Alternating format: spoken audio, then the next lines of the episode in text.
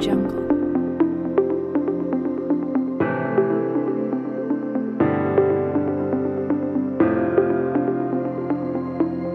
Audio Jungle. Argia astekarianen errepasoa egiteko asmoa daukagu, astero egiten dugun bezala, eta bide lagun e, izaten dugu, astero, astero, Lander Arbelaitz, gaur ere gurean pres daukagu, telefonaren bestaldean, hau pa eguerdion, Lander. Kaixo eguerdion. Bueno, e, portadari erreparatuko diogu, portadan hidrogenoaren inguruko e, bueno, albistea dakar zuez, albistea izan zen ikusi genituelako Bilbon, hainbat agentari e, e, bueno, Euskalduna jauregian e, hidrogenoaren korridorea edo aurkezten. Eta horri heldu diozue argi pizka bat emateko, ez? E, egia esan, ba, askorentzako agian hidrogeno energiaren historia hau ba oso ez ezaguna delako edo urrun geratzen zaigulako. Bai, egia esan niri ere ala gelitzen zitzaidan, e, bere garaian tokatu zitzaidan idaztea erreportaje bat Europako funtsetarako ze Mhm. proiektu orkestu ziren, eta hor harreta deitu zidan, ba, EAN, Eusko Jaurlaritzak aurkeztu zuen diru gehien eskatzen zuen proiektua, hau zala, eh? Mhm. hidrogenoaren Euskal Korridorearena. Mhm. E, baina, egia esan, ba, ideiarik ez, Mhm. e, zertaz ari garen. Eta bain peio, peio zubiriak idatzi du erreportajea, egia esan, ba, nire ustez potentea, Mhm. zeren izen buruan beran dio, hidrogenoa, mirarizko energia garbia, ala energiaren multinazionalen iruzurra, ez? Kontua da, ba, bertan esplikatzen duela nola azken urteetan jarri den esperantza handia hidrogenoan. Bai, ez? Lehenik, lehenik eta behin, ba, petroleoa agortzen ari delako, eta munduan martxan mantentzen duen energietako bat, ba, petroleoa delako, eta aldi berean badakigulako klima aldaketa ba, arrisku handia dugula. Mhm. Ez, orduan orain, eh, azken urteetan, ba, nola hidrogenoaz hitz egiten dan, soluzio bat bezala, energia garbi bat bezala, Mhm. eta nola inbertsio handiak eskatzen dituen. Eta orduan, batetik anteiok, e, labur bildu du, e, reportajeak ditu bipuzka. Batetik, eta behin, agintariek zer dioten, Zer, zer, bai, zer saldu diguten, ez? E, argazki horrekin eta, bueno, ez, eta datorrenarekin. Bai, Europar batasunetik zer esaten duten, Mhm. eh, zer, zer esan duten eh, eusko em, EAeko erakundeetako arduradunek, Mhm. eh, bueno, hor gustatu zait asko peio momentu batean esaten du eh, a dago? Eh, hain da begibiztako antza hidrogenoak munduari ekarri behar dion onura, ezen eta kulturretxe bateko hormen koloreak erabakitzeko ere parte hartze prozesuak antolatzen dituen Euskal Herri honetan, ez da zabalen beharri gabe sartu bai gaituzte herritarrok hidrogeno liuragarriaren trenean. Mhm. Alegia, jazta, aurrera doa, eta inork ez dakigu ezer. Ez? Mhm. Eta orduan, ba, bueno, lehen erdia, erreportajeak dakan erdia da, ba, pixka bat zer, zer dioten, hidrogenoaren teknologia honen aldekoek, eta gero bigarren herri bat daka, ba, e, zer dioten hidrogenoarekin kritiko diren ahotsek, ez? E, Hugo Bardi eta badaude hainbat mundu mailako aditu ikertzen ari direna energiarena, batzuk inkluso esaten dutena, bere garaian hidrogenoaren defendatzaile sutsuak zirenak, eta ja ez direla, Ez direnak. zergatik, zergatik dioten, ez? Mhm. Eta ora, ba, nire ustez, e, entzuleari gomendatuko nioke irakurtzea reportajea, zer nien ez gai e, hain ondo esplikatzeko, baina, bueno, oroko, oroar, esaten du, hidrogenoa bere horretan ez dela energia bat. E, e, em, sin más, hidrogenoa e, egin behar dela moldatu. Eta Zerbait, ege- zerbait egin behar du, ez? Energia egiteko. Bai, hori da, hori da. Mhm. Eta hortan, ja, pues batzuk kritikatzen dutela, energia gaztetu behar dela, energia sortzeko, ba hor ja kontraesan handi bat dagola. Bestetik, ue, zergatikan bapatean orain e, hidrogenoaren lilura hau, ba, e, Alemani, Alemania eta bar, ari direlako Afrikan, Kongo herrialdean zehazki, Mhm. munduko presarik handiena eraikitzen. Oh. E, orain arteko handiena zen Txinan zegoen presa bat, Bai, eta bai. orain Kongon egiten ari dira bat, hiru aldiz handiagoa lehen handiena zena baino. Alegia, gure energia berdeak e, sostengatuko dituztela beti bezala Afrikarrek eta behaiek baliat kenduko dizkiegula baliabideak guk segidalizateko gure betiko bizimaiarekin. Eta bestetik Kongotikan onera ekarri behar bada hidrogenoa, ur, hori e, ur hori gaz bihurtuta nolabait, ez? Kentzen Bai. H2O da ura eta hidrogenoa da H2. Beraz, Bai. oksigenoaren eh, hori kendu behar zaio, eta hori trenetan garraiatu behar da Europara, Kongotik, Mhm. e, eta beraz hor ere pintatzen du EAek, e, leku estrategikoa duelako Europara bidean Afrikatik, Eta bueno, e, funtxean, e, zalantza asko, teknologia hau oraindik dagoela oso oso oso e, ikerketa fasean, eta beraz ezin dela inundik ere saldu ja soluzio garbi bat balitz bezala, izugarrizko inbertsioak eskatuko dituen teknologia bat dela, eta bueno, pues nire ustez pixkat kokatzen du e, gehiago, ba bueno, e, irakurleok, pentzuleok, jakin dezagun gehiago ba teknologia honi buruz eta bueno Bai, eh, eta- ez, ez dela dena pintatzen diguten Mhm. mm bezain arroxa eta bueno zalantza asko daudela oraindik ere egitean eh Bueno, eta aipatu bezala ez, ba, hor Euskalduna jauregian arge, e, jarri zuten argazki horren atzean ere zer egon daitekeen ere e, argiago ikusteko.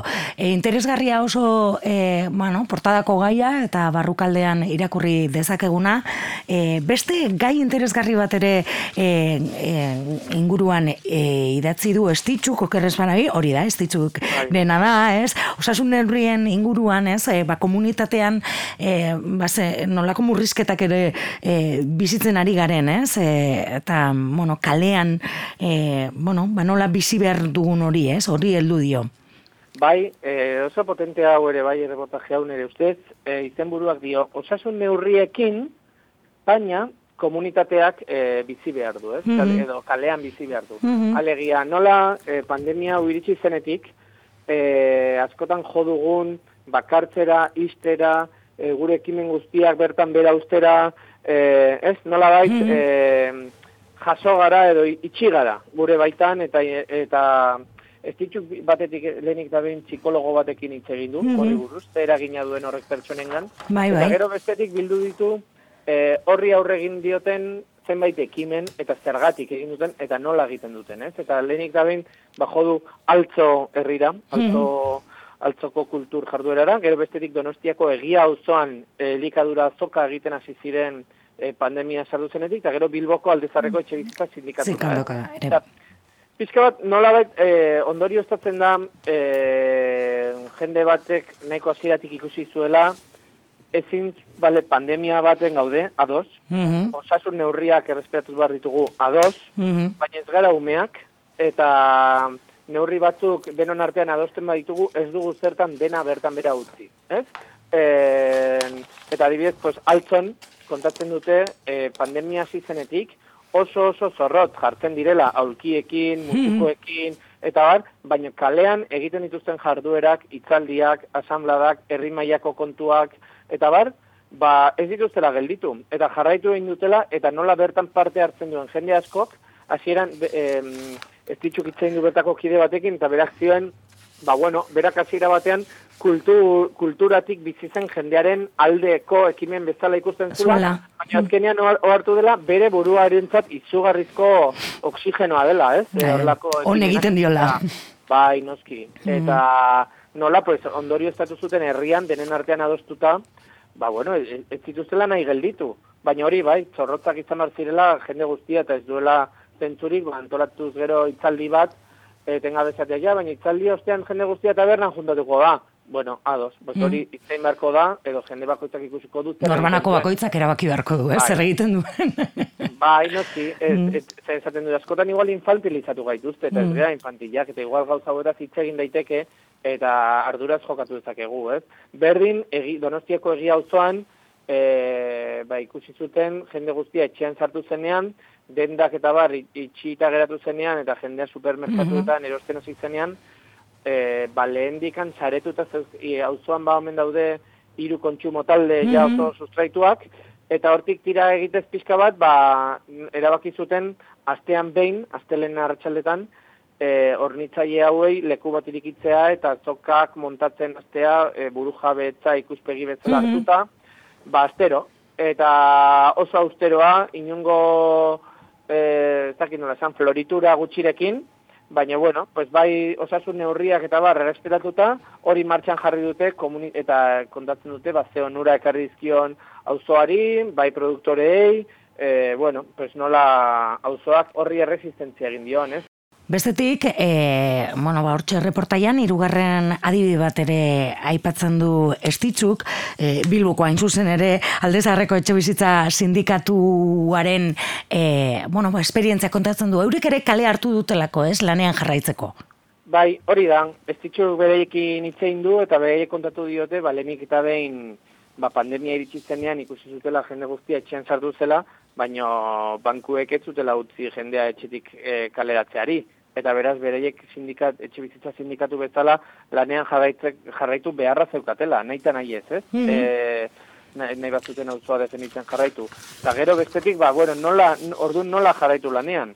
Eta bereiek diote argi, ba, ez dutela erabaki e, bide telematikoen bidez egitea lan, lehenik da behin, pues ez dituztelako denek baliabide guztiak, gero beste batzuk paso egiten dutelako e, horlako teknologia erabiltzari, eta azkenik, ba, plazan, erakizutela plazan biltzen segitzea osasun neurriak respetatuz, baina e, asambladak kalean aulkiarekin egitea, ez? Mm Eta horrek ere erakusten duelako taldearen indarra eta ere jendea ikusten duelako nortzuk dauden mugimendu horren atzean, ez? Eta orduan, ba, potentea iritzen zait hauek egiten duten gogoeta ere askotan ba iritsi garelako ondoriora ba osasunaren kontuagatik, arduragatik, ba de, dena pixkanaka nola gari garen egiten uzten eta badaudelako moduak komunitatea zaintzen jarraitzeko osasunan nere mm -hmm. zainduta noski, baina, bueno, pues ez dugula zertan dena egiteari utzi. Mm Espazioa galtzen ari garela. Bai, ba hortxe ez, e, kalean harremanak mantentzearen beharraren inguruko, e, bueno, ba, reportaia, e, iru esperientzia kontatzen daizkigu estitxua izagerrik, osasun neurriekin etorri diren murrizketen inguruko, e, bueno, bai, e, esperientziak labur bilduta. Bestetik, e, elkarrizketaren bat ere izaten da argia astekarian, berritxarrak oso talde ezaguna da, aurkezpenik ez duela behar, baina laster, e, dardara dokumentala aurkeztuko da, e, berritxarraken azken e, urteko jiraren ingurukoa, eta zuzendaria Marina Lameiro dugu. Eta, bueno, ba, Marina, hobeto esagutzeko aukera izango dugu argia astekari honetan, e, Reyes e, ilintzetak egin diolako e, elkarrizketa. Bai, hori da, izenburu bezala jarri dio musika dardara da, eta vibrazio horrek beste dardara bat eragiten du jendearen gan.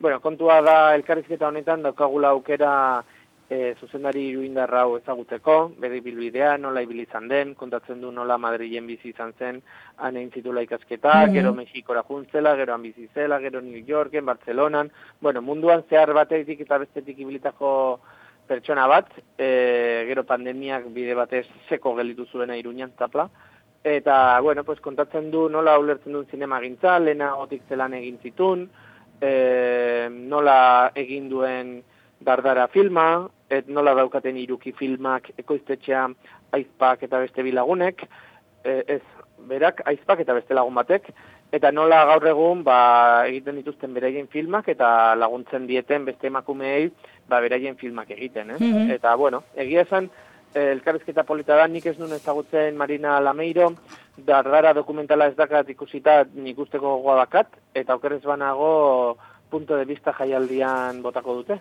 Mm, ala da, eta gero iritziko da sinemetara.